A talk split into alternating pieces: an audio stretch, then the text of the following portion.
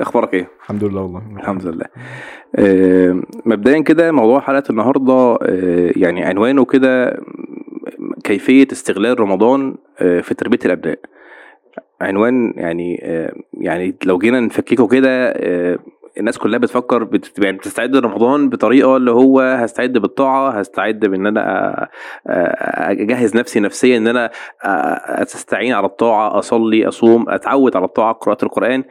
لكن فكرة إن أنا أستغل رمضان أو إن أنا أربي أولادي دي مختلفة شوية. مفيش حد يعني اتجه الاتجاه ده في في قبل كده يعني في في, في المناقشة. يعني إن أنا أستعد إزاي؟ اربي أولادي في رمضان. إزاي؟ بسم الله والصلاة والسلام على رسول الله صلى الله عليه وسلم. أسأل الله العظيم رب العرش العظيم أن تكون هذه الكلمات في ميزان حسناتنا يوم أن نلقاه. آه، تربية الأبناء في رمضان آه، رمضان موسم عبادة والتربية عبادة. ومن أكثر المواسم اللي ممكن نستغل فيها تربية أبنائنا آه، رمضان. والعنوان زي يعني العنوان كبير يعني العنوان فكرة تربية وأبناء ورمضان يعني إيه؟ يعني كل واحد كل واحدة يعني كل اسم في أو كلمة في العنوان تاخد مجلس واسع يعني. آه، فإحنا آه، آه، التربية ليها كلام كتير جدا. التربية في كليات اسمها آه. كليات تربية. والأبناء آه، يعني ده يعني كلية هو التربيه كلام آه ك- كلا- عنوان كبير. هو آه. تربية الأبناء وفي رمضان يعني تحب نبدأ من أنهي من أنهي حتة بالظبط؟ يعني نبدأ بالتربية مثلا. يعني لو جينا نفكك كده العنوان نفسه نبدأ بالتربية. يعني إيه تربية مثلا؟ ماشي. التربية خ... ليها تعريفات كتير. يعني موجودة في كتب بقى اصطلاحا و... ومختلفين طبعا في تعريفات التربية كتير جدا. بس خلينا نعرف التربية بالناتج بتاعها. يعني إيه بالناتج بتاعها؟ يعني هل مثلا لو إنسان سمع درس إيه، درس وعظي أو حصل له موقف مؤثر في حياته فناتج للموقف ده تصرف تصرف معين. سمع واحد سمع درس عن الصدقة مثلا أو إيه، إيه، حصل له موقف معين فبدأ يدعي مثلا. هل ده بقى متصدق؟ هل ده بقى راجل الدعاء في حياته ورد ثابت؟ لا هو فعل فعل. وده جزء مهم جدا. يعني هو استجاب لله ولرسوله واستجاب لرسائل ربنا. وده جزء مهم جدا جدا وخطوة أساسية في الترب... في إن هو يتربى على العمل.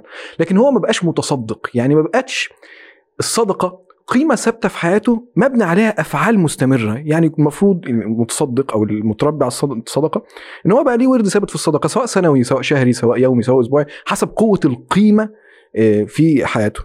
وده ممكن يكون شاهد لما التابعين جم سألوا السيدة عائشة رضي الله عنها عن خلق النبي صلى الله عليه وسلم صلى الله عليه وسلم فقالوا فقال كانوا بيسألوا ما خلقه؟ قالت كان خلقه القرآن.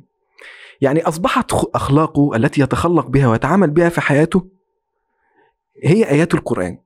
فهمها وطبقها ودعا إليها حتى أصبحت وردا ثابتا في حياته. كان النبي صلى الله عليه وسلم إذا عمل عملا أثبته. فبقى أصبحت ثابتة. فلما أصبحت ثابتة هو ده مفهوم التربية. إن التربية أو أنا اتربيت على القيمة الفلانية أو الإنسان متربي على شيء معين هو عنده قيمة ثابتة مبني عليها أفعال وأوراد ثابتة حسب المدة بقى في حياته أو في يومه أو في سنته أو في شهره. يعني قيمة قيمة ثابتة في عمل مستمر يعني عمل قيمة ثابتة في عمل مستمر. طب القيمة دي يعني آه، لو قبل ما نتكلم عن القيمة الثابتة أو ال- ال- اللي إحنا ممكن نزرعها في ال في ال في الأبناء يعني آه، آه، هل القيمة دي بتتنقل إزاي؟ يعني إن أنا أنقل القيمة ديت الأول آه، يعني آه، لابني أو للناس أو لأي حد عامة تتنقل إزاي؟ القيمة عشان تتنقل آه، ليها يعني ليها طرق يعني ليها طرق كتير. يعني الإنسان طول ما هو بيتعرض أصلا وبيعدي على مواقف في حياته المواقف دي بتأثر فيه. ولو التأثير ده مستمر ودايم آه، هو هيتخلق بيها سواء بفعل أو برد فعل. عارف الكلام ممكن يبقى معقد شوية بس إحنا هنبسطه يعني إيه هنبسطه؟ خلينا نقول في أربع ألفات يعني أربع ألفات لحاجات بتأثر في الإنسان. الأربع ألفات دول إيه؟ الألف الأولانية أماكن أوقات أشياء أشخاص. أماكن يعني اللي اتربى في قرية غير اللي اتربى في مدينة غير اللي اتربى في مدينة مليون- مليونية. اللي اتربى في الأعراب غير اللي اتربى في المدينة. المكان نفسه المكان نفسه بيأثر في البني آدم. يعني اللي اتربى في قرية دائم النظر للسماء. إيه، فاهم إيه، يعني حتى بيتعامل مع الشهور لما يحصل مثلا بتقول يناير فبراير هو بيقول طوبه واشهر بتاعة الزراعة. زمان يعني ما أعرفش الوضع دلوقتي عامل إزاي.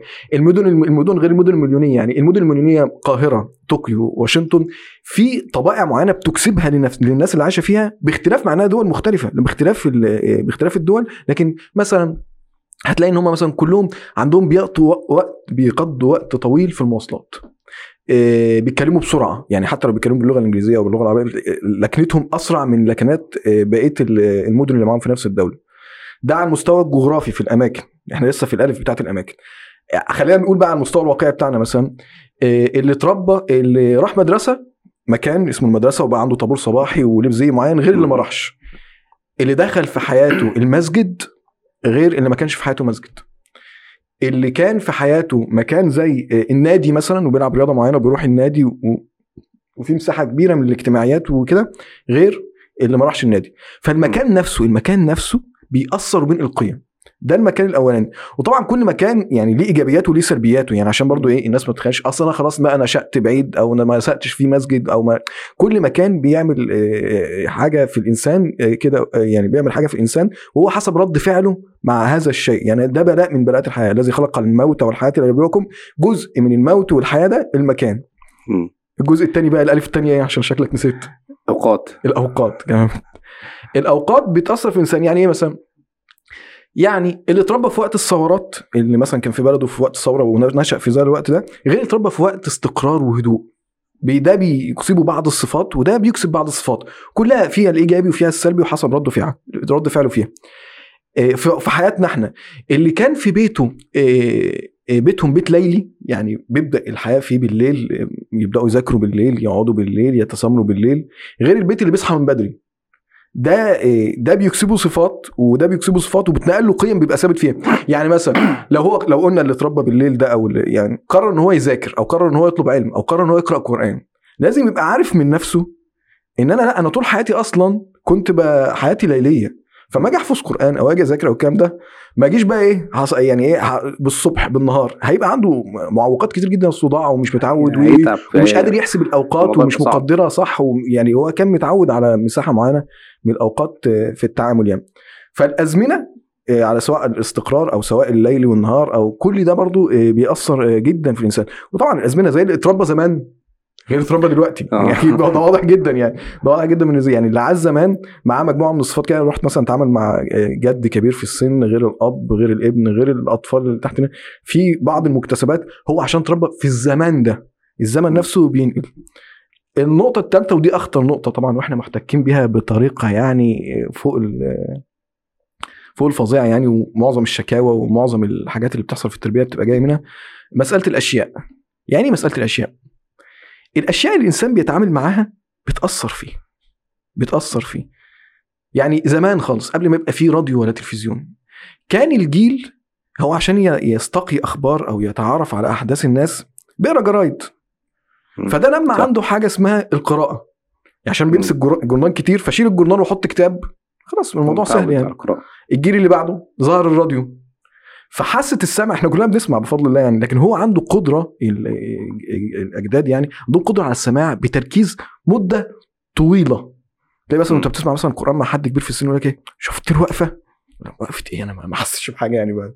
عشان أنت بت... أنت بتسمع ومش قادر تركز حتى وأنت واخد قرار يعني أنا دخلت أوضتي وقفلت الباب وقررت إن أنا أسمع قرآن تلاقي نفسك بتسرح. آه، الحاسة دي مش آه، مفعلة عندك بسبب إن أنت نشأت في جيل بقى اللي بعد الراديو الجيل بتاع التلفزيون. غالب الناس بتوع الثمانينات والتسعينات نشأوا في جيل التلفزيون. جيل التلفزيون محتاج يشوفها صورة. عشان كده دايما يقول لك إيه؟ يقول لك لا أنا مش هسمع قرآن أنا هتفرج عليه في اليوتيوب. هو هو بيحب يعني بيحب يشوف الآيات وشكل هو. بيبقى ده أدعى لتركيزه. أنا اتعود إن حاسة البصر مكملة لحاسة السمع عنده. لحد. ما وصلنا إلى هذا الزمان الجميل وظهر هذا الشيء اللطيف العظيم الموبايل. وما أدراك الموبايل يعني آه، بإيجابياته وسلبياته سلبياته الاكثر من إيجابياته؟ والناس بقى فيها نوع من أنواع التفاعل وإنك يعني يعني هو ليه خلينا نقول إيجابياته عشان سلبياته معروفة من الناس. إيجابياته إن بقى في نوع من أنواع التفاعل يعني هو أحسن من التلفزيون التلفزيون كان الانسان في وضع مستقبل فقط. لكن الموبايل في آه، موضوع رايح جاي يعني إيه بيتفاعل بيدي like بيدي share بيعمل إيه. بس حتى يعني حتى في الإيجابية بتاعته خلينا نقول مثلا آه، أو في السلبية بتاعته إن مثلا فرضنا إن ابنك هيقعد يتفرج على هيقول لك مثلا هسمع يعني هيتفرج على محاضرة دين في في الموبايل على الفيسبوك أو على اليوتيوب.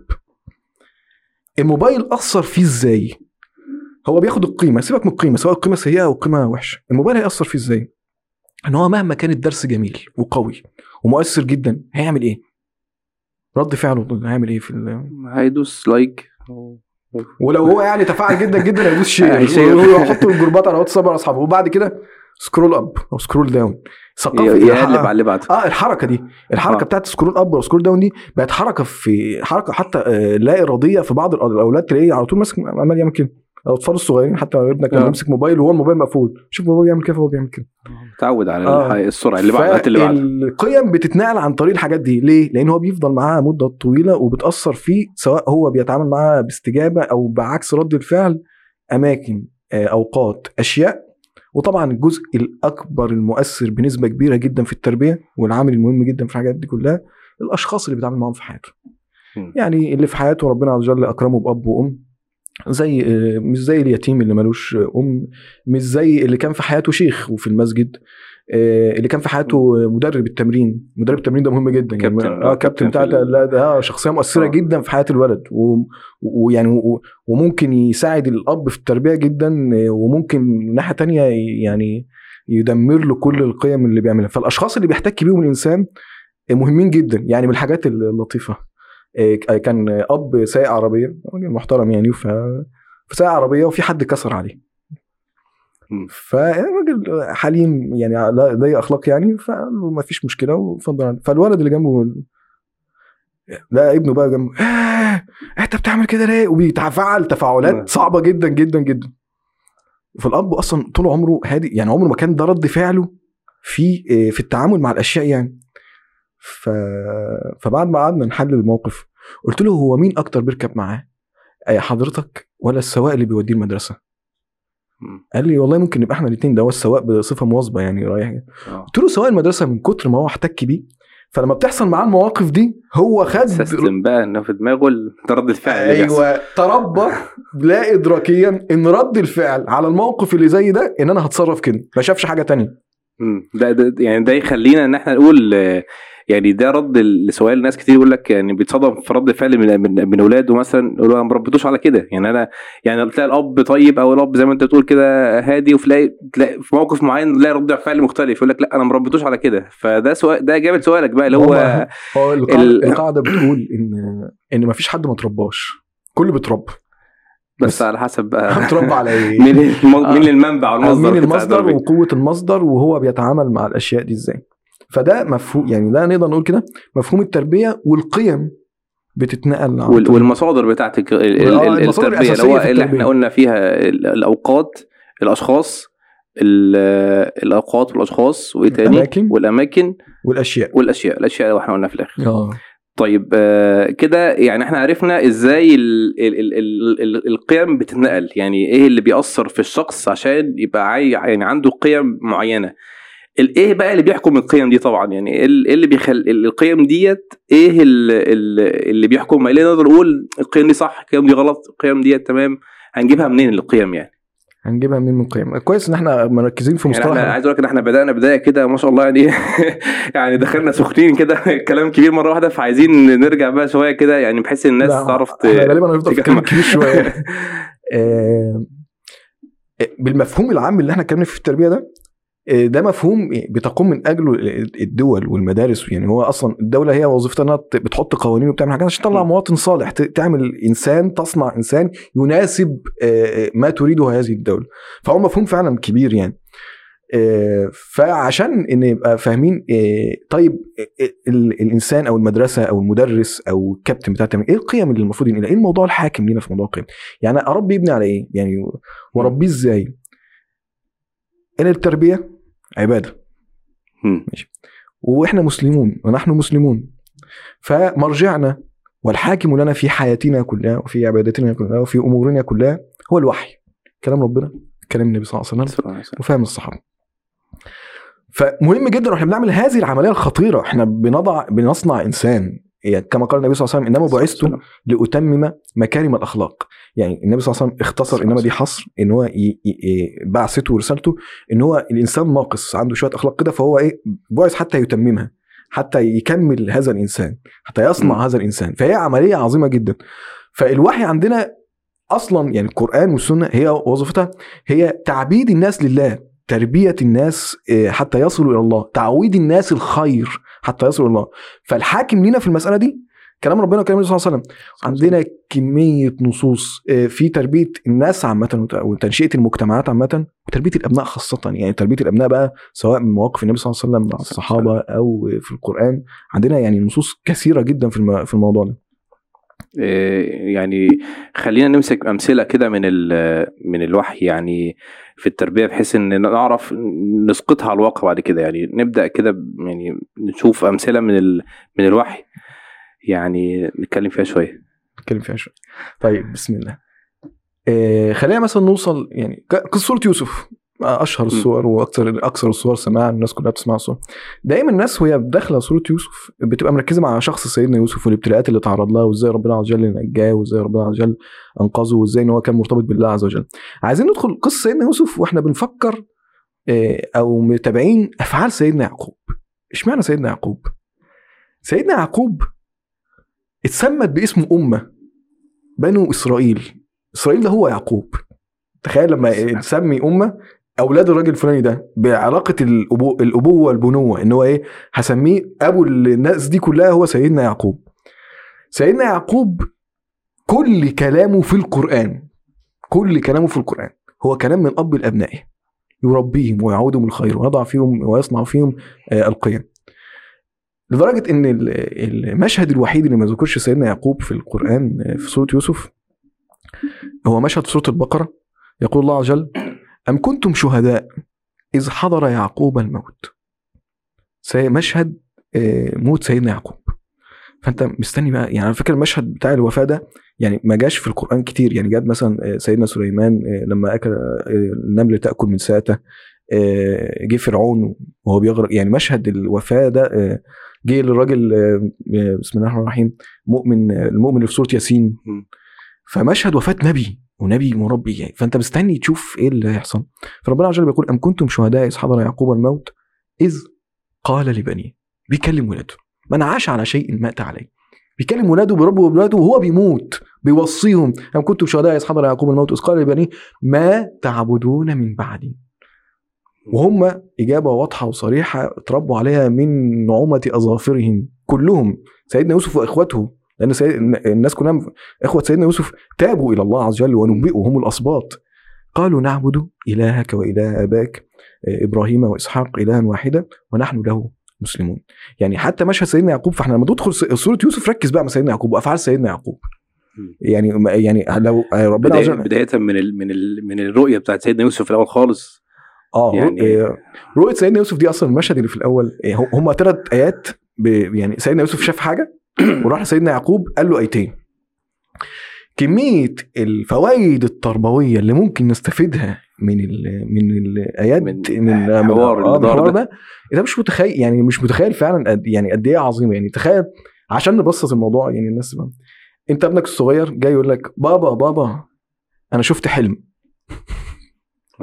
أنا كنت نايم وشفت كده إيه حاجة ماشي. رد فعل. ماشي يا حبيبي خلاص. ماشي. طيب احكوا لي يعني أي مش يعني لو يعني- لما أقول احكوا لي يعني. آه يعني لما تلاقي مثلا الموضوع يعني لو يعني الأب بقى لو راجع من الشغل يعني هو أصلا راجع من الشغل مضغوط نفسيا وجسديا وعايز ينام وعايز يعني في حالة فتخيل سيدنا يعقوب. ما. الموضوع بسيط يعني الموضوع بسيط بالنسبة لنا يعني لكن سيدنا يعقوب يتعامل ده هو بسيط بالنسبة لي آه لكن هو كبير بالنسبة لابني. سيدنا يعقوب يركز جدا مع سيدنا يوسف. ويسيبه يحكي. ولما سبق ولما سابه يتكلم تبين شخصية يوسف تبين شخصية سيدنا يوسف مع إنه طفل صغير يا أبتي إني رأيت أحد عشر كوكبا والشمس والقمر رأيتهم لي ساجد- ساجدين. سيدنا آه، يوسف طفل مركز جدا يعني هو نايم وقاعد يعد الكواكب.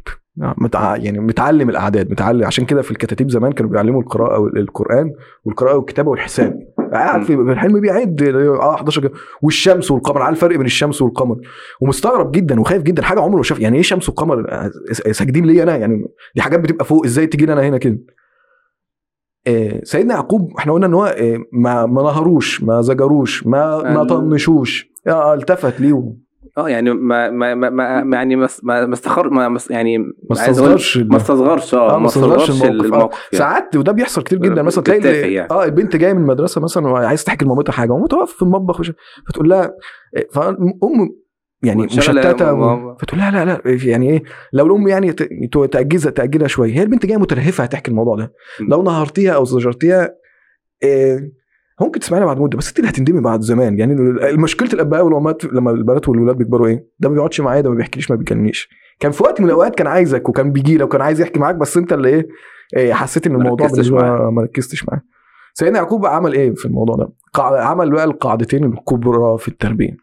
قال يا بني لا تقصص رؤياك على إخوتك. يا بني دي طفل صغير جاي تستشعر فيها آه، كمية الحنان وكمية الدفء. سيدنا يعقوب كأنه آه، أخذ سيدنا يوسف بين أحضانه أجلسه على قدمه. يا بني يعني هو ممكن يقول له آه، ممكن ما يقولوش يا بني وممكن ما يقولوش يا يوسف يعني ممكن يقول له لا تقصص رؤياك على إخوتك. ماشي؟ ناداه عشان ينتبه. وما قالوش يوسف قال له يا بني اقعد معايا بس كده. فلما قعد معاه بدأ اداله كلمات واضحة نهي واضح. لا تقصص رؤياك على إخوتك. ما تعملش واحد اتنين تلاتة كلمة واضحة وعلل له النهي ده. إن الشيطان للإنسان إن الشيطان للإنسان عدو مبين. ليه إن الشيطان للإنسان عدو مبين؟ الكلمة دي بالرغم من سيدنا يعقوب قالها لطفل صغير إلا إنها سيد أص- فضلت مأثره في سيدنا يوسف لحد لما كبر في آخر السوره خالص من آه. بعد أن نزغ الشيطان بيني وبين أخوتي. فضل فاكرها. ومش بس كده قال له وكذلك يشتبيك ربك. أنت هتهيأ لأمر عظيم. ويتم نعمته عليك كما أتمها على أبويك من قبل. إبراهيم وإسحاق. بيقول له أنت هيحصل معاك زي ما حصل مع مين؟ ابويك من قبل أجدادك. آه مع, مع سيدنا إبراهيم سيدنا إبراهيم واسحاق سيدنا إسحاق. معنى كده إن هو حكي له إيه؟ القصص بتاعته القصة بتاعت سيدنا إبراهيم وإزاي اتلقى في النار. آه فهو فهو الولد إيه ده؟ أنا هيحصل معايا زي ما حصل سيدنا إبراهيم. فبيبدأ يحمله ويعرفه ويفهمه هو مقبل على إيه. إبراهيم وإسحاق إن ربك عليم حكيم إن نفس في آخر السوره إن ربي لطيف يشاء إنه هو العليم الحكيم. الكلمات أسماء الله الحسنى التي غرزت فيه في صغره فضلت في ذاكرة سيدنا يوسف مع تغير الأحوال وتغير البلاد ودخول السجن والأحداث فضلت معاه لحد ما خرج. فده أيوة. مشهد أهو. نتعلم إزاي نتعامل الحنية الواضحة جدا والحزم الواضح جدا الحنية في يا بني والحزم. وده مع النبي صلى الله عليه وسلم النبي صلى الله عليه وسلم مع أطفال الصحابة وليه مواقف كتيرة جدا يعني دي ممكن بقى دي تبقى مجال لوحدها يعني. بس الموقف المشهور مثلا موقف النبي صلى الله عليه وسلم واقف يخطب على المنبر شاف الحسن والحس- والحسين يتعثرا في ثيابهما فنزل وأخذهما. مشهد قمة الحنان. ما جد ما تحملش مشهد أولاده إن هم بيتعثروا وعمالين يقعوا فخدهم وايه وألصقهم. مشهد قمة الحنان. نفس ال- الحسن نفس الحسن كان بيقف بيت مال المسلمين متجمع تمر كده فراح خد طفل راح ياخد شوكولاتة. تمراية. راح يحط تمراية في بقه. فالنبي صلى الله عليه وسلم يعمل إيه؟ كخ كخ. نحن لا نأكل مال الصدقة نحن نأكل مال الصدقات. ويدخل إيده النبي صلى الله عليه وسلم دخل صباعه وخرجها من من بق ابن. يعني المشهد ده لو اتعمل هش يعني مشهد صعب جدا. طفل يعني آه طفل وعادي يعني وتعدي مرة و... بيربيه من بدري. يبقى الحنان المشاعر الجارفة في كل وقت وكل حين وايا كانت الظروف مع الحزم الواضح جدا. كخ. كخ. لا تقصص. ما سيدنا يعقوب في مع الإخوة الكبار لا تدخلوا من باب واحد وادخلوا من أبواب متفرقة. ما حتى ما عللهمش ال- الناس العلماء أصلا يعني العلماء أصلا اختلفوا في حكمة ليه الموضوع قال لهم كده. يعني وقالوا بقى الحسد بس هو ما قالش. لا ما تخشوش من باب واحد تدخلوا من أبواب متفرقة. طب إحنا جايين مع بعض وقافلة ونخش لازم نتمشور ونخش. آه هو أمر واضح أو نهي واضح معلل مرة غير معلل مرة لكن الشاهد إن جماع ال- أساليب التربية جماعها لأن في أساليب تانية. مسألة العاطفة الجياشة ومسألة الحزم الواضح. تاني حاجة القيم اللي سيدنا يعقوب كان مربي عليها سيدنا يوسف. بانت من كلام سيدنا يوسف إن هو معلمه الحساب معلمه الشمس والقمر ومعلمه إزاي يبص للسماء. وحكي له قصة الأنبياء. حكي له قصة سيدنا إبراهيم حكي له قصة سيدنا إسحاق. آه، آه، يعني جلسة آه، الرؤية ديت ما كانتش الجلسة الأولى بين سيدنا يوسف وسيدنا يعقوب. ده دليل إن كان في جلسات قبل كده أصلا كانوا قاعدين مع بعض قبل كده. فكان في علاقة علاقة سابقة بين سيدنا يوسف وسيدنا يعقوب بين أب وابن آه، مبنية بقى على على القيم مبنية على ال- ال- الحكاوي اللي هو بيحكي له قصص ال- ال- ابائه واجداده فده دليل إن هو الجلسة مع الطفل أو الجلسه مع الابن في في في, في النقاش حتى حتى لو أنا مش يعني هساله على أحواله هساله على عمل إيه في المدرسة عمل إيه في في الصلوات بتاعته في في في, أوراده. الحاجات دي يعني بتكسر بعد كده بتخلي الطفل بعد كده يبدأ لما يحصل له حاجة آه، هيروح لل جزاك الله خيرا. آه، فعلا هو أصلا في هو الطبيعي الطفل حصل له مشكلة. يجري. على يعني يجري على اخوه يعني يجري على حد قريب أول جري على أبوه معنى كده مفيش عوائق بينه وبين سيدنا يعقوب. أصلا على طول أنا أروح أقول له يا والدي وهو يحكي معايا وسبحان الله برضو في في يعني كل كلمة قالها سيدنا يعقوب في بعد ما آه. الرؤيه اتحققت في الآخر خر... في الآخر آه في الآخر يعني وهو بيقول أو يعني الزرع اللي زرعها حصدها في آخر الصورة حصدها في آخر مشهد بالظبط بنفس والأسف- الكلمات آه، ونفس اتكلم عن الترتيب ربنا عليم حكيم قال عليم حكيم قال ما قالش انه ربي لا قال عليم حكيم يعني نفس الاسم من الاسماء الحسنى اللي هو بيقول قال له عليه وغرزه فيه هو قال له عليه وغرزه فيه في نقطة كويس جدا إنك قلتها إن هنا عشان ده برضو خطين من خطوط التربية الكبار. إحنا عندنا خط اسمه خط البناء وخط اسمه خط المشاكل. تعرف الفلاح لما يجي يزرع في زراعة بيحط بذرة وفي حاجة تانية إيه؟ لما بيحصل بقى إيه؟ دودة أو يحصل حاجة. آه يبدأ يشيل المشاكل ده. في في الهندسة input و troubleshoot يعني. في بناء في مد خط إنتاج بيطلع منتج وفجأة يحصل في خط الإنتاج ده مشاكل مشاكل. ماشي؟ مع سيدنا يعقوب وس- وسيدنا يوسف في المشهد ده هو خط إيه؟ في مشكلة حصلت فهو تدخل. بس مش معناه إن ده أول تدخل ليه. ودي أكبر مشكلة بتواجه الأباء إن هو بيبدا يتدخل لما يحصل لما يبدأ يحصل حصل إيه؟ مشاكل. مشاكل. المفروض أنت متواجد من بدري. عشان كده ساعات كتير جدا بيبقى في حاجات ما مش ه... يعني لازم نبدأ من بدري وإنه يبقى عندنا جلسات وقيم ومفاهيم في مسألة الكلام عن الكلام وتأسيس القيم وجلسات مستمرة. فدي جلسة الإيه؟ الأب. اللي فيها مشاكل. طب الجلسات بقى اللي فيها اللي فيها بناء. عندنا سورة اسمها في القرآن اسمها سورة لقمان. طيب، سورة لقمان دي إحنا نعرف إيه عن سيدنا لقمان؟ أب بيربي ابنه. قال لقمان لابني وهو يعزم أب. سيدنا صفحة في القرآن وسورة في القرآن أنت أصلا السورة مسميه باسمها عشان تخش تركز مع الصفحة دي. أب قاعد مع ابنه؟ تعالى يا بني يا بني يا بني. يا بني لا تشرك بالله يا بني أقم الصلاة أمر بالمعروف. إنها تكن مثقال حبه من خردل فتكن في صخره في ووصينا الإنسان بوالديه حسنا بالترتيب بقى التوحيد بر الوالدين الصلاة أو مراقبة الله الصلاة الأمر بالمعروف والنهي عن المنكر. فواحد يقول إيه ده؟ يا بني أقم الصلاة أمر بالمعروف والنهي عن المنكر. أربي ابني على الامر بالمعروف والنهي عن المنكر. هو ده الدين هو ده الإسلام هو ده مرجعيتنا في الوحي. فيبقى أنت عندك جلسات إيه، جلسات بتربي فيها ابنك على قيم إيه، واضحة. وبتقعد فيها مع قيم واضحة والقيم دي موجودة في الوحي بترتيبها كده بتتكلم عن التوحيد. تقعد مع ابنك كلمه عن لا إله إلا الله. وكل قيمة يعني ليها مساحة ممكن نتكلم فيها. تكلموا ممكن تكلموا مرة عنها من قص الأنبياء. ممكن تكلموا عنه من الجنة والنار. ممكن تكلموا عنه من أحاديث النبي صلى الله عليه وسلم. ممكن تكلموا عنه من الآيات. ممكن تكلموا عنه من أي حاجة. المهم إن ده في الآخر في حاجة خطر اسمها الشرك. إن الشرك لظلم عظيم. تربي ابنك ودي نقطة غايبة عن كل يعني غايبة جدا. تربي ابنك على بر الوالدين. تربي ابنك إن هو يبوس إيدك. هو لما بيكبر يقول الواد ما بيسمعش كلامي. ما انت وانت صغير هو كان في إيدك وهو صغير ممكن تربيه على بر الوالدين يعني تعلمه إزاي يبرك تفتح له باب من ابواب الجنة الكبار. يعني باب ان الانسان بر انت عارف شفت الناس اللي بره بقى دي؟ ربنا ميسر لها حياتها أصلا. فوصينا الإنسان بوالديه إن تربيه على بر الوالدين تقول له أمك دي آه، آه، آه، أولى الناس بصحبتك. قال يا رسول الله من أحق الناس بصحبتي. يعني أقعد مع مين كتير. تقعد مع والدتك. زي ما بتخرج مع أصحابك تقعد مع والدتك تقعد تسمع منها. أصل والله يا بابا بتكلمني في حاجات أو والله يا ماما الأم وده دور يعني إحنا عشان ما نتفرعش بس دور الأم في إن الولد يبر أبيه ويعرف قيمته كبير جدا جدا. ودور الأب في إن الولد أو البنت تعرف قيمة أمها كبيرة جدا جدا. لأن الولد ما بيدركش. هو الولد مثلا آه، ميال أكتر الأم بسبب فكرة المشاعر والحنان وإنها متواجدة معاه أكتر في البيت. فهو مش مدرك قوي قيم الرجولة وإن الأب طول اليوم بره البيت وإن هو تعبان كل ده عشان حضرتك.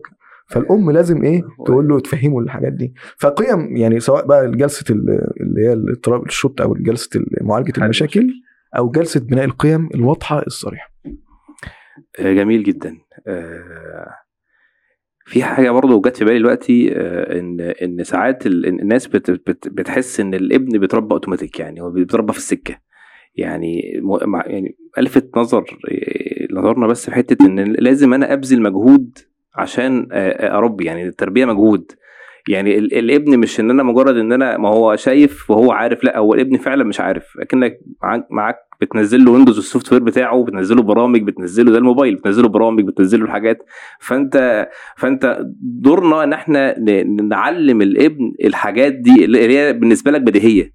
هي دي نقطة يعني ناس كتير بتقع فيها في حتة إن هو لأ يعني ما ده بديهي. لأ مش بديهي. هو لا يفقه شيء لسه. ما هو نفس الجملة اللي هقولها تاني التربية. عبادة. صح. فمفيش عبادة بتيجي عبادة يعني وقت عبادة يعني. تركيز عبادة يعني مجهود. صح. فعشان الناس ما تتشتت معايا لأن الكلام اللي فات ده كله كلام استنباطي قوي يعني أعمل إيه مع أولادي؟ يعني ما بمنتهى البساطة والهدوء. تربية عايز تربي ولادك بنتك اقعد معاهم قعدة كل أسبوع. مش مهم وقتها بس المهم إنها تبقى كل أسبوع. إسقاط بقى ده بقى يعني إسقاط ده يعني إسقاط اللي إحنا قلناه بقى على أرض الواقع بقى إن إحنا هنعمل إيه بقى مع ال... آه هنعمل إيه؟ أنا قاعد بعد صلاة الجمعة هقرأ سورة الكهف وهجيبهم. هحكي لهم قصة نبي. هكلمهم عن الصدق. واقول لهم لازم تبقوا صادقين وان الصدق يهدي إلى البر. هعلمهم حاجة في أسماء الله الحسنى أو معامله الله عز وجل أو إنك لما ترفع إيدك الله عز وجل يجيب الدعاء. لازم الجلسة دي تبقى موجودة. ليه؟ الجلسة دي هتريح وهتعالج مشاكل كتير جدا. انت عارف لما يبقى عندك مناعه قوية؟ فمش هيجيلك أمراض. لكن مفيش مناعة. انت معرض لأمراض كتيرة جدا جدا جدا. الجلسة دي صفاتها أو جوها عامل إزاي؟ جلسة هادئة. يعني إيه جلسة هادئة؟ يعني أنت واكل وشارب ورايق. يعني من أخ... يعني ما تروحش مش بعد الشغل مش مضغوط أو أي حاجة. في يوم أجازة آه، آه، قعدت سمعت درس مثلا أو سمعت كلمة أو سمعت محاضرة حاجة أنت استفدتها في الأسبوع. استفدت حاجة من خطبة الجمعة. أو هتحضر هتجيب كتاب من الكتب اللي بتتكلم قصر الأنبياء أو كتاب أسماء الله الحسنى أو بتتكلم في القيام وتقرأ. أو تسمع من على اليوتيوب. طب بعد كده هعمل إيه؟ حسب سن طفلك. ودي ترك يعني دي تركات بقى. الأطفال الصغيرين بيميلوا للتهويل. يعني مثلا لو هحكي له قصة آه عارفين قصة آه اسقي حديقة فلان اللي هي الرجل اللي كان يمشي في الصحراء. الرجل قال النبي صلى الله عليه وسلم بينما رجل يمشي في الصحراء سمع صوتا في السماء ينادي اسقي حديقة فلان. فذهب. القصة دي ما ينفعش تحكي للطفل كده. محتاجة بقى إيه؟ إيه، محتاجة تمثيل محتاجة تصوير. راجل تسمي الراجل اسمه عبد الله وكان ماشي في صحراء كبيرة جدا. أنا. يعني هتقمص بقى شخصية الأب يعني. ماشي في صحراء كبيرة جدا و... ومفيش مية. وفجأة سمع صوت عالي جدا في السماء آه، سمع صوت عالي. فبص يمينه بص شماله. الصوت ده جاي منين يا ولاد؟ وبيبدأ إيه؟ تصور هذه الأشياء. هتلاقي الولد اتنشن يعني مركز معاك جدا جدا. ده بالنسبة للصغير الأكبر أو الأكبر في السن شوية اللي بيبدأ يدرك ممكن تقولها له بطريقة أس مش بنفس المبالغات دي عشان ما بس هيعمل إيه؟ إيه تبدأ بقى تقول له طب أنت رأيك إيه في الموضوع ده؟ طب إحنا بعد ما تحكي له طب إحنا استفدنا إيه؟ حتى السن ده في في التعليم يعني بيبدأوا يديله النظرية ويخلوه يطبقها يعني مش حساب بقى مش واحد زائد واحد بيساوي اتنين اللي هي الحاجات البسيطة والكلام ده لا يقول له مثلا إيه القاعده الفلانية انزل طبقها على المسألة الفلانية فأنت بتدي له القاعدة اللي هو النص بتدي له القاعدة وهو يبدأ يستنبط من إيه؟ من الحديث دوت آه، أسئلة وكده. ال- الأكبر آه، لا خليه هو يقرأ من الكتاب. هو يقرا النص دوت يعني يقرا الحديث ده وخليه. طبعا الأكبر لما يعني, يعني مش هندخل الدخله دي مرة واحدة بس هو بالتدريج. كده هتلاقي أنت فاكر أنت يعني أنت أصلا هتبقى عندك خبرة. يعني أنا أقول إيه وما أقولش إيه. طب أنا شفت مشكلة فلانية في البيت الفترة اللي فاتت دي. بدل ما تدخل بقى لا ما تعمل وما تعملش بالطريقة دي ودي طريقة موجودة. وإحنا قلنا لا تقصص لا تدخلوا يعني بطريقة واضحة. ممكن آه أنا رصدت المشكلة. هي المشكلة دي فين؟ هو بيعمل كده ليه؟ آه مثلا مش عايز ياكل معانا. هو مش عايز ياكل معانا ليه؟ زعلان مني متضايق مني. فأبدأ أرصد المشكلة وأبدأ أسأل ممكن أستنصح. وأبحث في النصوص أو أتعامل. استنصح الناس آه، استنصح ده. تشوف شيخ في المسجد أو مربي أو حد قريب منك أو آه راجل كبير في السن. تروح أي جد عنده خبرات شاف يعني شاف حضرتك وشاف قدك وشاف اللي اصغر منك فتروح تقول والله الواد بيعمل معايا كذا كذا كذا كذا. يقول لك هيقول لك أي تجربة حتى لو هو مش هيقول لك أي تجربة عنده حصلت معاه قبل كده فيقول فأنت تروح تعملها أو تاخدها. الحاجات دي مفيدة جدا جدا جدا. يبقى جلسة واضحة في قيمة آه، بعد بهدوء ب- ب- فيها كوباية شاي آه، حتى تبدأ بقى نشغل الأولاد فيها. يعني مثلا لو عندك بنت مثلا تبدأ إيه آه، تعمل مثلا هي تعمل الشاي أو تعمل كيكة أو يبدأ يبقى في جو أسري. لأن ال- إحنا قلنا في الأول إن وجود الأشخاص بيقوي آه، يعني وجود الأشخاص بيأثر في يأثر الدار في التربيه فتخيل أشخاص موجودين ولكنهم مغتربين. يعني أب وأم موجود في البيت لكن هم ما بيأثروش مش هم أكتر ناس مؤثرين. إزاي ده نشأ معايا وعاش معايا؟ ما بيأثرش في ابني. ليه؟ لأنه ما بيقعدش معاه. هو بيشوفه في وقت قليل والأم بتبقى للأسف في الموبايل بتبقى قاعدة على الموبايل فترة طويلة فبيتأثر بالأشياء السلبية ما بياخدش أخلاق البيت زي ما بنقول. تمام؟ فهو محتاج يقعد مدة يعني محتاج يقعد ساعة كل يوم في بناء القيم ديت والقيم دي لها ترتيب موجود بقى على الموقع الطريق إلى الله موجود على اليوتيوب آه، موجود في كتب في كتاب جميل جدا جدا اسمه ابن الإسلام بتاع الشيخ يعقوب. ابن الإسلام دوت في آه، ابن الإسلام جلسات لأبناء الإسلام. وقصص الأنبياء فيه الجزء بتاع قصص الأنبياء فيه رائع وفوق من رائع كمان ان هو يقعد وما يقولش القصة كلها على مرة واحدة يعملها 30 حلقة ومثلا يجي عند دخله النار يقول بس هنا إيه؟ وإيه اللي هيحصل بقى المرة الجاية؟ هذا مثلا عارفه الحلقة القادمة. هيبقى الموضوع مميز جدا يعني هيبقى هيبقى فيه جو من ال- وتكسر برضو الحاجز بينك وبين الولاد برضو اللي هو اللي أنت آه، عشان بعد كده آه، لما يحصل مشكلة الابن يبقى يلجأ ليك بعد كده. يعني لما يبقى عاوز حاجة يطلب حاجة يستفهم من حاجة ما يروحش لغيرك أو يروح لناس بره أو أو لأ يجي لك أنت أنت اللي تبقى أنت المصدر آه، مصدر القيم. المصدر القيم آه طبعا لأن آه، ممكن ناخدها على جنب كده. الطفل في الأول بيبقى إيه أميل أكتر للأب والأم.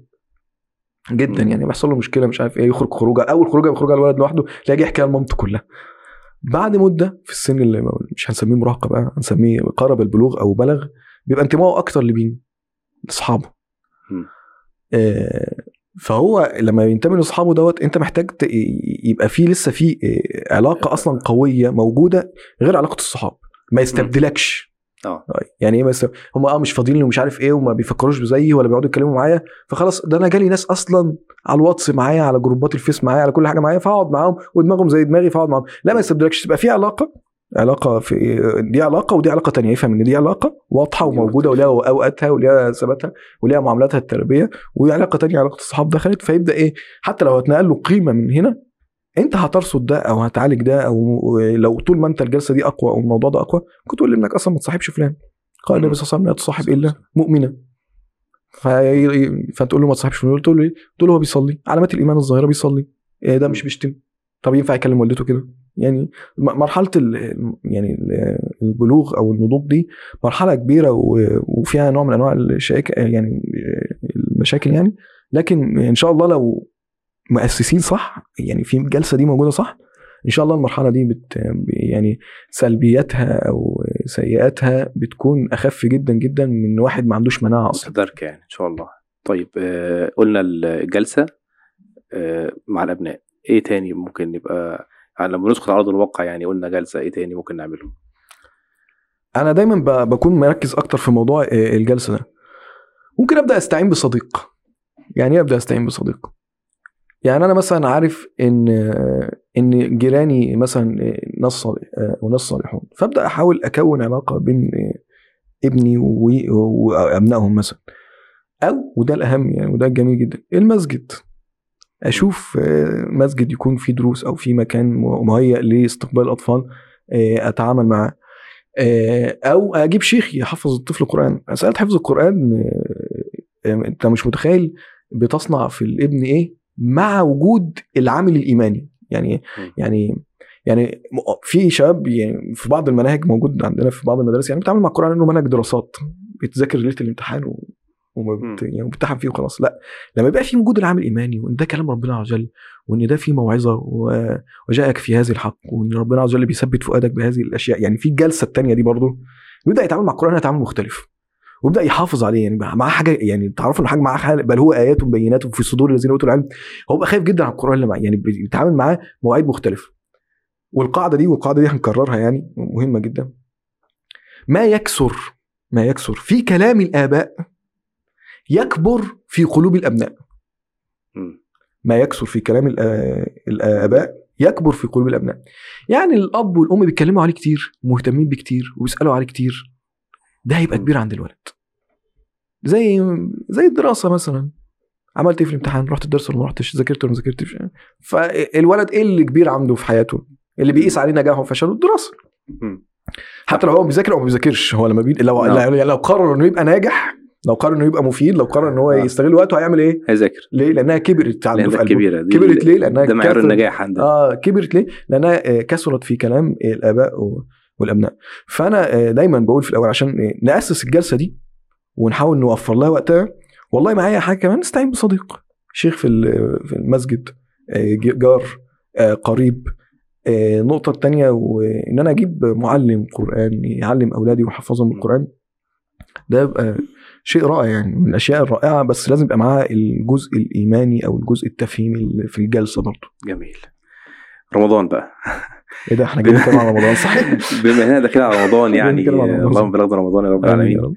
ورمضان فرصة. يعني فرصة لأي حد في أي حتة إن هو يتوب في أي حد في أي حتة إن هو آه، يبدأ صفحة جديدة إن هو يقرب من ربنا إن هو آه، آه، يعني يقرر قرارات جديدة. فإزاي أستغل رمضان في إن أنا آه، أربي أولادي؟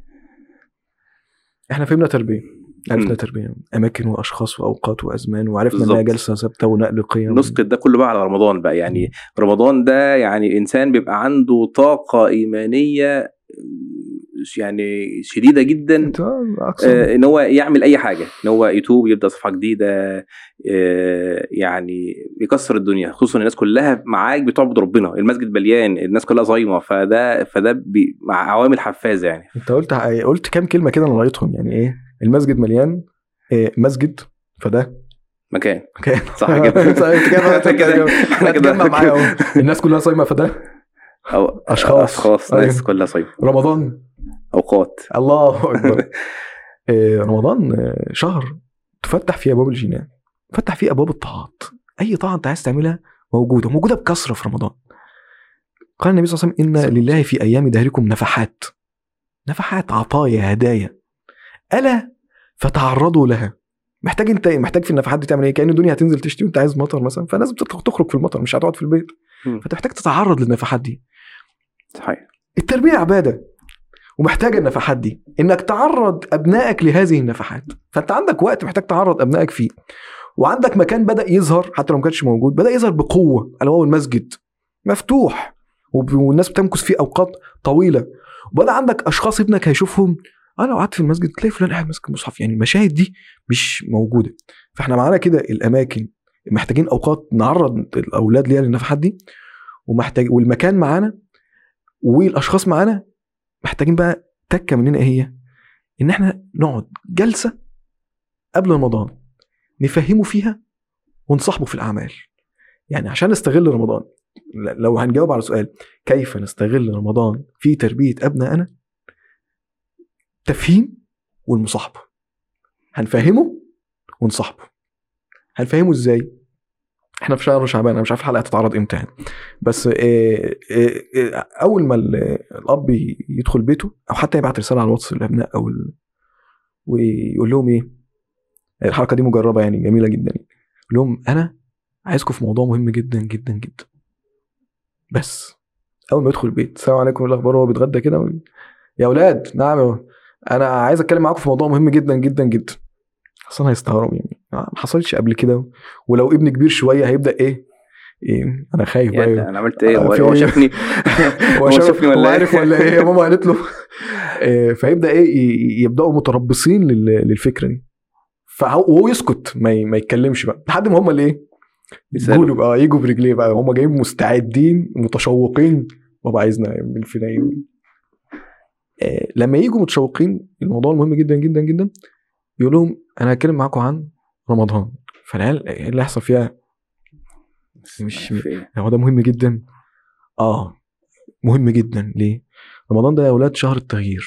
رمضان ده النبي صلى الله عليه وسلم تغير فيه من الصادق الأمين إلى مبعوث رحمة للعالمين. الشهر الذي نزل فيه القرآن. شهر عارفين سورة العلق؟ آه أنتوا عارفين سورة العلق دي أول إيه؟ أول سورة نزلت في القرآن. نزلت في رمضان. شهر رمضان ده اللي بتفتح فيه أبواب الجنان بتغلق فيه أبواب الشياطين آه، وبتغلط فيه أبواب النيران وبتصفط فيه الشياطين. يعني ما عادش فيه الشيطان هيقول لك اعمل انت معركتك دلوقتي مع نفسك. شوف انت راجل مع نفسك ولا لا. شوف انت هتبقي قوية مع نفسك ولا لا. ويبدأ الجلسة دي جلسة تفهيم. يجيب بقى كل البودكاستات بقى اللي اتعمل قبلنا ولا اتعمل بعدنا بقى في الاستعداد لرمضان يفهم منها آيات وأحاديث بتاعتها وبرضه يمنتجها ويشكلها على السن اللي قاعد معاه. المهم إن في الجلسة دي. قاعد معاهم الجلسة دي وإن شهر رمضان مهم وإن إحنا في شهر شعبان ومحتاجين نستعد في شعبان لرمضان وأنتوا عارفين يا أولاد شفتوا قبل كده لما شفنا كنت لما كنا في النادي الفلاني وفجأة الراجل مسك رجله. آه يا بابا ده من غير ما حد يجي جنبه خلاص جاله شد عضل. أنتوا عارفين الشد عضل ده بيجي ليه؟ إيه اللي بيخلي العضلة تشد وتقف؟ ممكن يبقى عارف ممكن لا. يقول لك آه عشان ما سخنش يعني يعني حسب بقى الإجابات يعني خلي في تفاعل يعني. فتقول له أيوه عشان ما سخنش. فأنت ممكن تدخل رمضان وتيجي تجري تجري تلاقي نفسك إيه قلبك عضلته شدت وقفت. فمحتاج تسخن في شعبان. طب النبي صلى الله عليه وسلم كان بيعمل إيه في شعبان؟ كان أكثر ش... ما رأيناك صيا... ما رأيناك صوما في شهر أكثر من شعبان. النبي صلى الله عليه وسلم كان بي- بيكثر الصيام في شعبان لأنه شهر شهر ترفع فيه الأعمال إلى الله. فنستعد بإيه؟ بالصيام. فإحنا النهارده مين مين بقى مين مسؤول إنه يجيب السحور؟ أنا. مين هيعمل لنا السحور؟ مين حبيب بابا اللي هتعمل لنا السحور؟ في السحور؟ أنا. سحر وتاني يوم يفطروا. بس الفكرة إن في جلسة اسمها جلسة إيه؟ تفهيم. تفي دخل رمضان. استحمل بقى معانا شوية؟ هتصاحبه. يعني إيه هتصاحبه؟ صاحب ابنك في رمضان. صاحب ابنك في أورادك. لا تدخل رمضان وحدك. يعني إيه؟ يعني أنت لازم تصلي. المفروض إن قبل كده أنت مفهمه يعني إيه صلاة. يعني هتقعد معاه جل- جلسة تفهيم دي قبل رمضان؟ وموجودة كل يوم أو كل أسبوع إنك هتفهمه مثلا إيه؟ أو أنت مثلا دخلنا المسجد أو إحنا واخدين واخده رايح في الطريق إحنا رايحين إيه؟ رايحين فين؟ رايحين المسجد. المسجد ده إيه؟ المكان اللي بنصلي فيه. المسجد ده بيت ربنا. عارف يعني إيه بيت ربنا؟ شفت لما نروح بيت حد؟ ينفع نتحرك فيه ونعمل شقاوة والكلام ده؟ يقول لك لا ينفع ناخد حاجة حد؟ يقول لك لا. ليه؟ لأن النقطة الطفل اللي لسه أول مرة يدخل ينزل المسجد خلينا نتكلم على المستوى الصغير يعني بيبقى بالنسبة له المسجد ده عبارة عن إيه؟ مساحة خضراء زرقاء يعني حسب لون المسجد. مساحة واسعة للجري. هو مساحة حسب لون السجادة. آه. حسب السجادة. حسب لون السجادة هو بينطلق جري فهو مش فاهم هو فين وتلاقيه بيتصرف هو انت ما قلتلوش. يعني انت قلت له لازم نصلي. طب ما أنا بصلي في البيت بقعد اعمل يعني. يعني ما كان عنديش المساحة دي في البيت. فانت بتفهمه. المسجد ده بيت ربنا المسجد ده بنقعد نصلي فيه السنة نقرا فيه قرآن آه، بنصلي لما الإمام يصلي ما نلتفتش. انت بتفهمه الحاجات دي. مستوى تطبيقه أكيد مش على مستوى كلامك. يعني يعني بتعمل يعني ده أول مرة. يعني, يعني يعني هيشقى شوية يعني. هيشقى شوية. فأنت هتاخد احتياطات الموضوع ده. احتياطات الموضوع ده إيه؟ انت أنا قلت أنت هتتعب معانا في رمضان شوية. الأب والأم يعني, يعني خلينا نبقى نشوف الأم إن شاء الله. هتتعب معانا في إيه؟ أنت أصلا أنت جاي تقول انزل تعالى ننزل نصلي. غالبا هيبقى أنت نازل عايز تصلي في المسجد. فهو أنت كنت بتنزل لوحدك بتلبس وتنزل. مع معاك إيه؟ حد لسه يلبس ويتوضا وسلام بقى لو كسول أو بطيء. فاصلا هيأخرك عن الصلاه هنا في خطأ كبير جدا جدا بيقع في الآباء. خطأ رهيب يعني. إنه بيقول له إيه؟ يلا نصلي. ويعمل إيه؟ وينزل. وينزل ويسيب ينزل ليه؟ الولد بيتعود إن أوامر الآباء زي أوامر مين؟ أوامر الأب زي أوامر مين؟ يعني أمر مش لازم يتنفذ على الفورية أو على الضرورية. فأنت هتقول له الأمر وهتفضل قاعد جنبه وتاخده في إيدك وتنزل وتفهمه.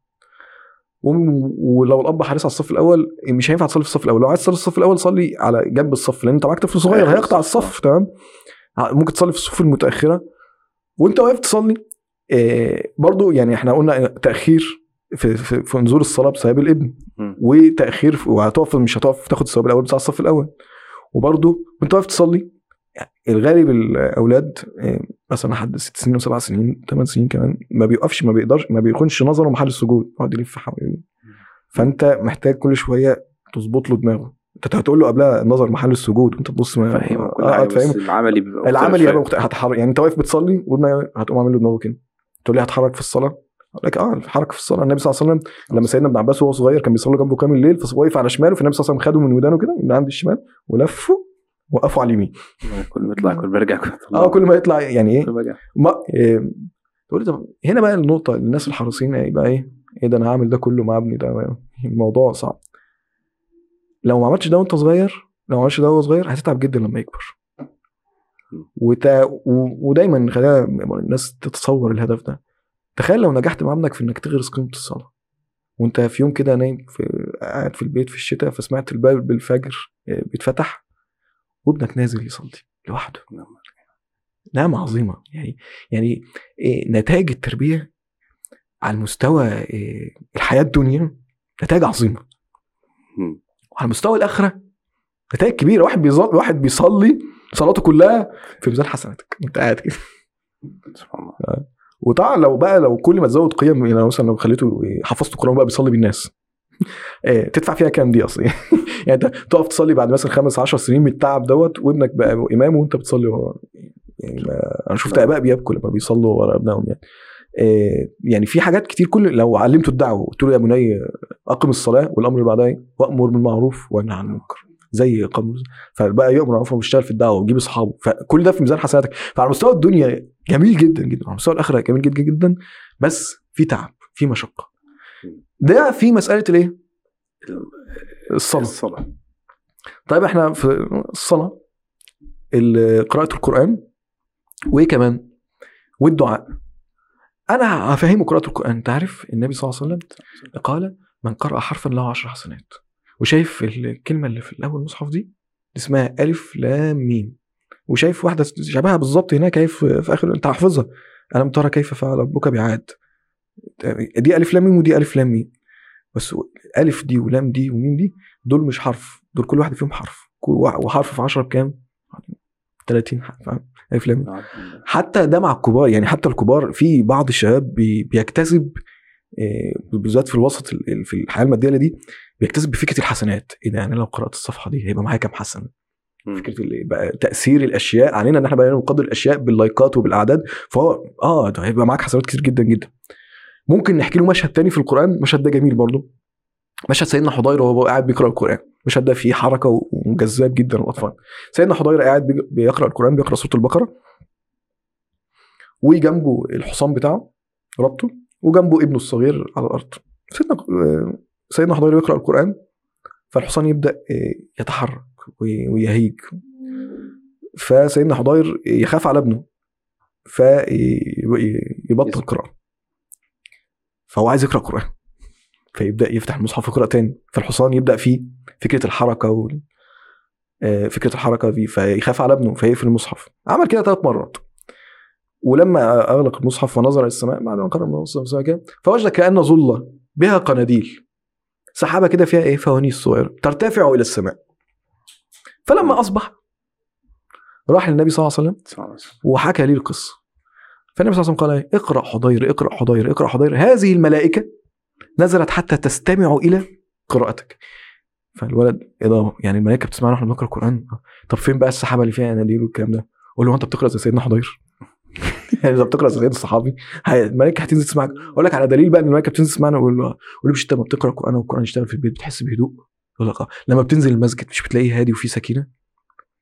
ففي فده في ورد القرآن ففي مشاهد بقى أنا بضرب أمثلة بس في حاجات كتير جدا يعني أي عمل من الأعمال الصالحة اللي هتعمله هات باب كتاب الفضائل فضل العمل ده فضل صلاة العصر فضل الصلوات فضل القرآن. آه ورد الدعاء. بابا أنا عايز كذا بابا أنا عايز كذا بابا أنا عايز كذا. عود ابنك الحركة دي. إنه قبل ما يجي لك يتعود يعمل كده. ماما أنا عايز فستان فلاني عايز أشتري حاجة فلاني. ادعي ربنا. الكلمات اللي كانت قوية يعني صادمه يعني في تربية الأبناء.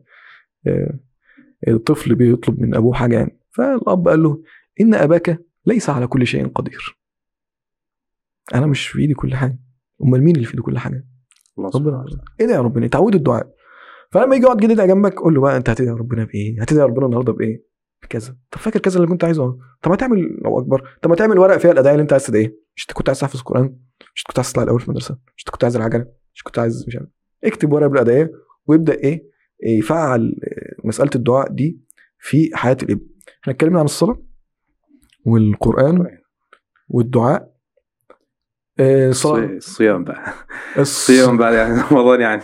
آه رمضان صحيح. رمضان. آه، كتب عليكم الصيام. الصيام آه، إحنا كده أو كده هنقول لهم إن في صيام ايا كان سنه. آه. ايا كان سن الطفل هنبلغه بالصيام. طبعا الفقهاء اليوم في مسألة التكليف بالصيام دي وكان بالقدرة يعني بالقدرة والإستطاعة. لكن إحنا هنتعامل مع مع الطفل إن نقول له في صيام وإن الصيام ده بنقعد من ساعة ما مش من ساعة من الفجر بقى من ساعة ما نصحى من النوم لحد المغرب مش بناكل ولا نشرب عشان ربنا عز وجل بيحب كده. طيب هو هيعمل كده حسب سنه. السلف كان لهم طريقة رهيبة في تربية الأطفال على الصيام. كانوا بيعملوا إيه؟ كانوا يلهون الأطفال. يعني إيه يلهونهم يصنعون لهم عرايس لعب كده يقعدوا يلعبوا بيها اللي هو إيه أنا عايز كذا. طب ما تلعب باللعبة دي. اللي هو ياخد له ساعة ساعتين كده في الإيه في البتاع وتلاقيه فجأة هو صام. تقول له على فكرة أنت النهارده صمت. بجد. آه انت مش تعبت منه ما أكلتش. آه صحيح. وممكن في طبعا في بعض الآباء بي مثلا بيعمل إيه بيخليه يصوم لل- للعصر. هو الفكرة إن هو صاحي العصر فمش هنخليه يصوم للعصر. إحنا عايزينه بس إيه يقعد لمدة. ساعتين كده آه في الأول لمدة ساعتين أو ثلاثة كده اللي هو رايح يشرب لا مش طب شفته شرب وأكل؟ وهو ناسي. أعمل نفسك ما خدتش بالك. شرب ناسي. ما تذكروش يعني مش زي مش زي الكبير. سيبه. أطعمه الله وسقاه. هو لسه آه، انت أخبار الصيام إيه ومش عارف إيه والكلام ده. يبقى إحنا اتكلمنا في جلسة تفهيم والمصاب والمصاحبة. في مسألة الصيام دي مسألة الصيام لو اطفال صغيرين هنكلفهم. وهنا نقطة برضو بتحصل برضو ان الأب ممكن أصل الواد صغير مش هيقدر. هو الابن بيتصور صورته عن نفسه وبياخدها منك. يعني إزاي؟ إزاي؟ في واحد بيقول لي أنا مقتنع تمام الاقتناع إن أنا آه، ذكي جدا يعني أنا شاطر في ال... فبقول له ليه؟ قال لي أبويا قال لي كده وأنا صغير. آم، الابن ممكن يقعد يلعب مع الأسد. ليه؟ هو مش عارف إنه أسد. هو بالنسبة له قطة كبيرة شوية هيكون إن ده أسد منين؟ من رد فعل أمه وأبوه. إيه ده؟ أنت بتعمل إيه؟ مش عارف. هو يخاف. زي في في عيل وهو صغير يخاف هو إيه اللي يخوف الطفل من الضلمة؟ الظلام. ما الذي يجعل الطفل يخاف منه؟ رد فعل الأم. الأم بتخاف أو الأم بت... بتخوفه. بتخوفه بتخوفه بالضلمة. دي كارثة تانية يعني. بتخوف حاجة أصلا ما ما ينفعش تخوف بيها يعني. وفكرة تخويف الأبناء دي مش فكرة سليمة جدا يعني. بتخوفه فهو بيخاف. فتصور الطفل عن نفسه آه، بيأتي من تصور أباء عنه. فأنت لو قلت لا لا أنت مش هتصوم عشان أنت صغير فهو يفضل إيه؟ آه يا عم أنا صغير. تعرف أنا عيل فاكر في الم- في المسجد زمان. تعالى إيه؟ هن- هنحفظك آه، مش عارف سورة العصر يعني سورة صغيرة. قال لا لا لا لا دي بتاعت الكبار. قلت له طيب ماشي أنت حافظ يعني أنت طب أنت كده مش حافظ القرآن خالص ولا إيه؟ قال لي أنا حافظ القرآن. قلت له حافظ إيه؟ قال لي حافظ سورة الفاتحة. قلت له طب يلا قول. قال بسم الله الرحمن الرحيم. الحمد لله رب العالمين. بس خلاص كده. هي القصة ظريفة لكن هي الشاهد منها فكرة إيه؟ إن هو لا لا لا لا دي بتاعت الكبار فهو بتاعت الكبار ما هو في كلمته يعني آه هو مش كلمته هو واخدها تصوره عن نفسه من آه رد. وفكرة تصوره عن نفسه من يعني من تصوره عن نفسه من الآباء دي يعني الطفل بيكون نفسه تصوره عن نفسه من الآباء دي يعني دي فكرة خطيرة في التربية. أنت لما تيجي تقول للولد مثلا آه تعرف ده محمد صادق فيبدا إيه ده؟ ده الصدق ده حاجة بتمدح وحاجة بت, بت يعني فأنا لازم أبقى صادق آه، بالعكس بقى في مثلا مراهق مثلا مثلا إيه عمه مثلا أو حد كبير في العيلة مثلا بدأ يقرب مثلا مثلا يقول له إيه يا عم أخبار البنات في الدرس إيه؟ ف- فهو إيه أنت كبرت بقى أخبار بقى فهو يبدأ يتصور إن أنا عشان كبرت لازم يبقى إيه؟ في حاجة في موضوع كده لازم أدخله بأي سكة من آه. الطرق فعشان أوصل فيبدأ تاخد تصوره عن المرحلة من كلام الناس لحد ما ينضج بقى ودي مساحة تانية. عاد دلوقتي. الناس أصلا بتتأثر بكلام الناس جدا يعني. بس أنا بتكلم الطفل فعلا بيكون تصوره عن شخصيته من كلام الآباء والأمهات. وإحنا إيه اللي دخلنا في النقطة دي؟ مش عارف الصيام. الصيام الصيام. إن هو آه، إن أنا أقول له صوم ومش هقول له أنت صغير. هكلفه بالصيام أنت راجل كبير لازم تصوم. وأتحمل بقى إيه حسب السن مسألة الصيام مسألة الصيام دي. اتكلمنا بقى يعني آه، يعني هاخد يعني اتكلمنا على الأوقات رمضان أوقات آه آه، شهر تنزل فيه الرحمات والمكان معاك المسجد. تمام. والأشخاص معاك الناس اللي بتصلي معاك بتصلي في المسجد وأنت وال- هتعتمد فكرتين هما التفهيم وال... والمصاحبة. والمصاحبة. قول لي بقى الأشياء ال- المتعلقة برمضان. يعني إحنا بقى. نتكلم بقى في رمضان آه، إزاي يخلي الابن آه، متعلق برمضان. الأشياء دي خلينا نعملها بطريقة خلينا نعمل لها مصطلح كده هنسميها صناعة الذكريات. صناعة الذكريات يعني إيه؟ يعني أنا هخلي رمضان ذكرى جميلة في حياة الولد. هصنع ذكرى رمضان. انت عارف خلينا نضرب مثل زي الدراسة مثلا. الدراسة آه، الأم أو الأب آه، قبل ال- موسم الدراسة بينزلوا يجيبوا لبس للأولاد وشنطة المدرسة وأكل المدرسة ومعلش هننام بدري عشان عندنا تاني يوم الصبح مدرسة والحاجات بقى اللي أنت عارفها كلها دي. فيبدأ يبقى الولد عنده إيه؟ في حاجة آه في حاجة اسمها في حاجة اسمها. في حاجة اسمها مدرسة. فإحنا زي ما بنعمل في المدرسة كده هنعمل أكتر شوية في رمضان كده. هنبدا نعمل إيه؟ هنجيب لبس رمضان إيه ده؟ مش لبس بيجي العيد؟ هنجيب جا... لو طفل هنجيب له عباية جلابية يصلي. بيها. البنت اسدال ده بص الاسدال ده هيبقى هيخليها تصلي ثلاث شهور قدام. هتلاقي بس الاسدال ده وخلاص. آه، إسدال للصلاة. آه، الأشياء التانية ممكن نجيب له مصحف. المصحف ده بتاعك. هتخلص فيها قد إيه في رمضان؟ السبحه دي بتاعتك. وريني بقى الأرقام اللي السبحه الإلكترونية وريني هتوصلي قد إيه في ال- في السبحه دي. يعني هنصنع ذكرى رمضان. آه، زينة رمضان. في اكشن يعني هنعمل اكشن يعني حدث في البيت في حدث حدث رمضان بالليل حتى الطفل تعرف الطفل الصغير يعني الناس ممكن تقول الطفل الصغير ممكن ما يدركش ده. لا الطفل الصغير بيدرك ده الطفل الصغير لما مثلا اخواته الكبار رايحين المدرسة وبيعملوا حركات المدرسة يقول لك أنا عايز أروح المدرسة فين شنطتي؟ لو في حد بيتجوز مثلا وفي احتفال في البيت ومش عارف إيه تلاقيه بيهيص وفرحان ومهايبر جدا تاثر ومتأثر جدا. هو مش فاهم أصلا يعني إيه جواز ولا إيه فرح ولا إيه اللي بيحصل أصلا. بس إيه آه. في حاجة بتحصل في البيت. فإحنا آه، آه، أشياء رمضان هنشتري الحاجات دي ونعمل زينة لرمضان. حاجات بسيطة يعني حاجات فانوس مش عارف إيه فانوس فوانيس نشتري فوانيس للأولاد. يعني نعمل قائمة مشتريات كده زي قائمة ال- الأكل ومش عارف في قائمة مشتريات كده لرمضان. آه، إسدال للبنت آه، عباية عطر. رائع جدا. آه، سبحة مصحف آه، في زينة رمضان تتعلق آه، في البيت يشترك مع أقاربه وجيرانه لو الموضوع ميسر ومؤهل اللي هو في الشارع يبدأ يعلق زينة. يعني نصنع ذكرى طيبة. بحيث إن لما يجي رمضان اللي جاي خل ودي نقطة مهمة جدا إن مش أول رمضان حتى في حياة الناس الكبار يعني في أول رمضان بتركز فيه ما بتبقاش على نفس المستوى اللي في تاني رمضان اللي في تالت رمضان اللي في رابع رمضان. مرة في مرة في مرة يبقى رمضان ده يعظم بالنسبة له. حتى لو انت آه، اسأل الله يعني يديم حياة الآباء والأبناء يعني غبت في لحظة من اللحظات بسبب أي موقف أو أي أو أي ظروف طرأت عليك هو مجرد ما يشوف الشيء ده يشوف الفانوس بس في الشارع يبدأ يسترجع. عقله الباطن.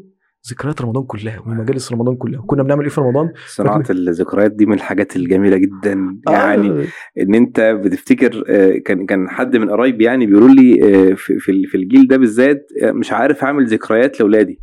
يعني كنا كنا كان كان لينا ذكريات زمان. أنا فاكر أيام أيام المدرسة وأيام ما يعني حضانه فاكر مشاهد لسه فاكرها لحد دلوقتي. ناس في المدرسة ناس في في البيت ناس في في الشارع. عارف مواقف عارف حاجات ذكريات محفورة. ففعلا الذكريات دي مهمة جدا جدا لل- لل- للطفل أو للإنسان عامة إن هو يكتسبها. وزي ما أنت قلت زي ما بنستعد للمدرسة بهدوم وشرط ولانش بوكس بقى وحاجات زي دي.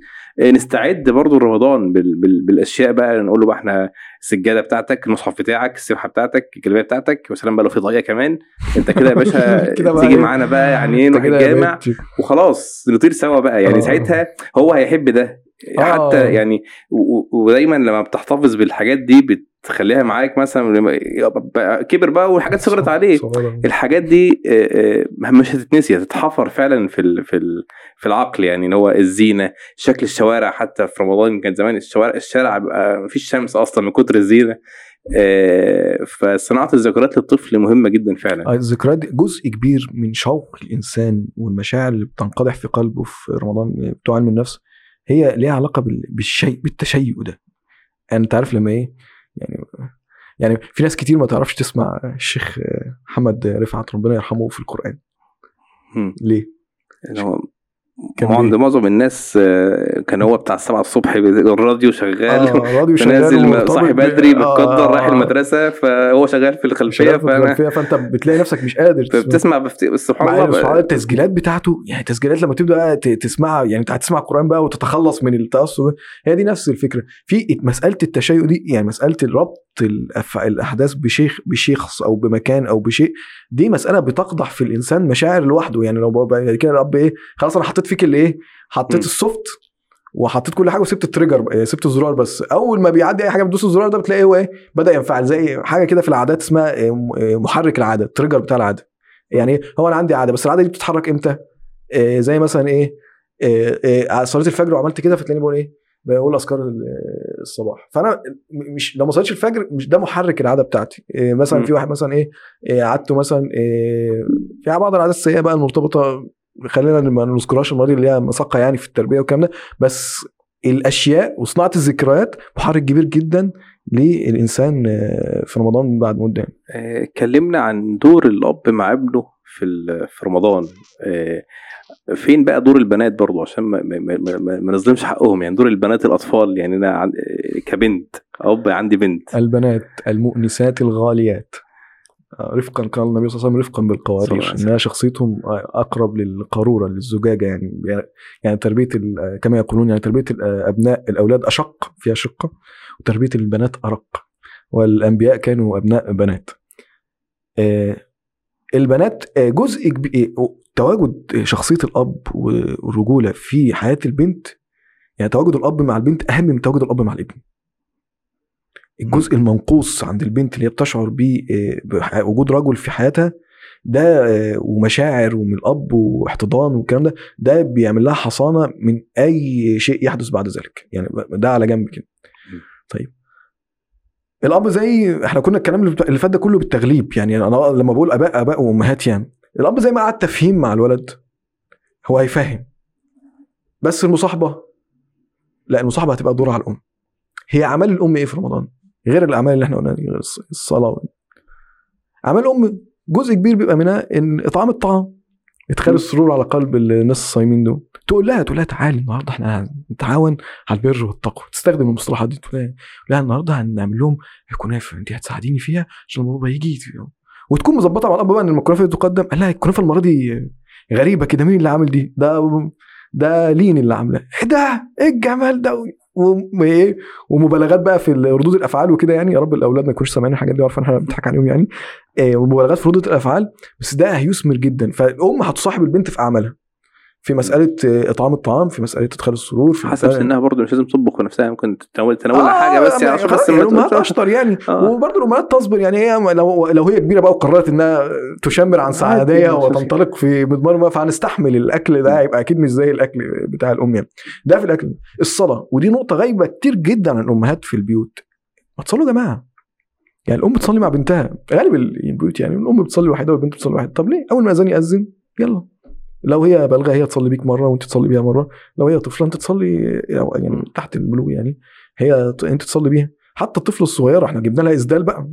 أكبر آه، يعني يلا هنصلي أكبر. يعني الموضوع ده يحصل. يعني مصاحبة الأم هتصاحب البنت في أعمالها البيتوتيه البيتوتيه حتى تخرج لنا زوجة صالحة. وفي أورادها إنها خلاص هنصلي ساعة الصلاة تيجي تصلي معايا نصلي جماعة. خلاص ما فيش حد يصلي لوحده. والأوراد نفس اللي كان بيعمله الأب هتعمله الأم. ويجي الأب بقى من بره إيه، يتابع. إيه ده؟ أنتوا وصلتوا لفين؟ آه، شكلكم إيه؟ س... آه شكلكم سبقتونا. شكلكم سبقتونا في القرآن ومش عارف إيه. وأنا الواد محمد لو فرضنا إن يعني عائله عائله كاملة أب وأم وبنت وولد يعني. لا ده أنت كده أشطر ومش عارف إيه و... وحاجات دي. لكن البنات ده البنات مؤنسات الغاليات يعني. ولا شك في برضو الأنشطة الرمضانية آه، اللي ما, بت... ما بتكونش موجودة غير في رمضان بس يعني زي آه، إفطار على الطريق. آه، توزيع وجبات آه، على الفقراء آه، الصدقات بتبقى يعني إلى حد كبير ناس بتطلع زكاتها أو صدقاتها في رمضان آه، الحاجات دي مهمة جدا برضو إن إحنا يعني بتساعد الطفل برضه إن هو يبقى نشيط يتحرك في سبيل الله وفي حاجة بيحبها يعني مثلا يجيب شوية تمر مثلا البنت تجهز التمر في في أكياس في البيت آه، الابن ياخد. الأب ياخد ابنه في في, في الشارع على الطريق كده جنب على الطريق على السريع يعني. آه، ناصف في الشارع. المسجد في المسجد ناس في المسجد في المغرب. آه، يوزعهم على الناس ده بيدي للطفل إن هو آه، شارك ده- ده- وده ثواب ويعرفوا إن ده ثواب وإن ده الله سبحانه وتعالى بيجازيك. عليه. ده هيساعده أكتر من فطر مسلما كان له مثل اجر لا ينقص ذلك من اجور شيئا برضه هيفهمه وصاحبه دي خطوة رهيبة. بالعكس ده ده يعني دي من الحاجات هو الطفل أو الولد أو الشاب أميل للحركة في كل م. اعماره ف وفي طبعا الناس بالغين بتبقوا أميل للحركة من أميل للمكوس. فلما تربط له العبادة بحركة ده هيبقى سعيد جدا بالنسبة له. فهي فكرة جميلة جدا. جزاك الله خيرا. يعني فكرة رائعة يعني. آه والله الواحد مش عايز يخلص. يعني عايز يتكلم كتير في حاجات كتير والله. يعني جزاكم الله خيرا. آه مش حابب تضيف حاجة من عندك تقولها؟ آه دي حاجة أنا سايبها أصلا من الأول. دي عشان أنا دي أهم قول حاجة. قول. ده ده وقتها. دي أهم حاجة. إن كل اللي إحنا اتكلمنا فيه ده دي من الأسباب التي شرعها الله عز وجل حتى نربي ابنائنا لكن من هو المربي؟ الله عز وجل. قال الله عز وجل إنك لا تهدي من أحببت ولكن الله يهدي. الله عز وجل هو الذي يهدي. فزي ما في أسباب بنمارسها بإيدينا وأسباب مادية بن- بنراها بأعيننا في أسباب أخرى كثيرة جدا آه، توكل القلب على الله عز وجل في مسألة تربية الأبناء. عبادة التربية عبادة. إياك نعبد حتى نعبد الله عز وجل فلا بد إياك نستعين نستعين بالله على تلك العباده فلو أنا بربي ابني يا رب قدرني يا رب عرفني يا رب علمني يا رب بصرني.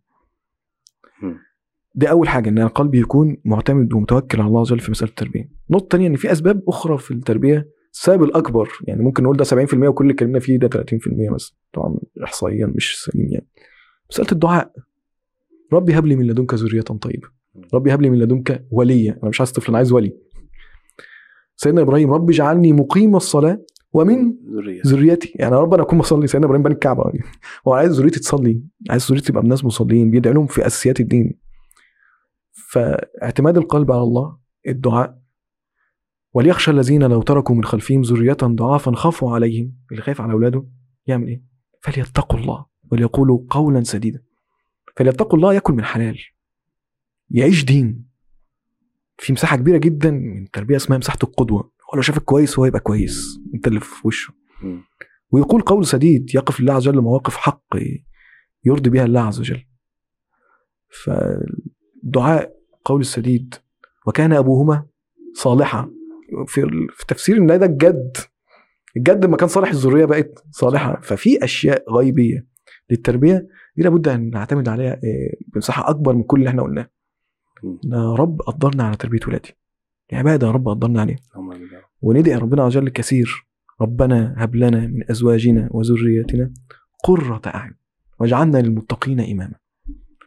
فدي أكتر نقطة أنا كنت عايزها مهمة جدا يعني. صح، الله عز وجل هو. المربي الله عز وجل هو الهادي سبحانه وتعالى. ربنا يا رب يا اولادنا يا رب إن شاء الله. ويبلغنا رمضان ويعيننا على طاعته وحسن عبادته ويعيننا إن إحنا. نربي أبنائنا إن شاء الله. جزاكم الله خيرا وسعدت إن أنا قعدت معاك والله و- حبيبي يا. باشمهندس ربنا جزاك الله خير ان شاء الله ربنا. يعزك ونراك على خير إن شاء الله في. بودكاستات أخرى السلام. عليكم ورحمة الله وبركاته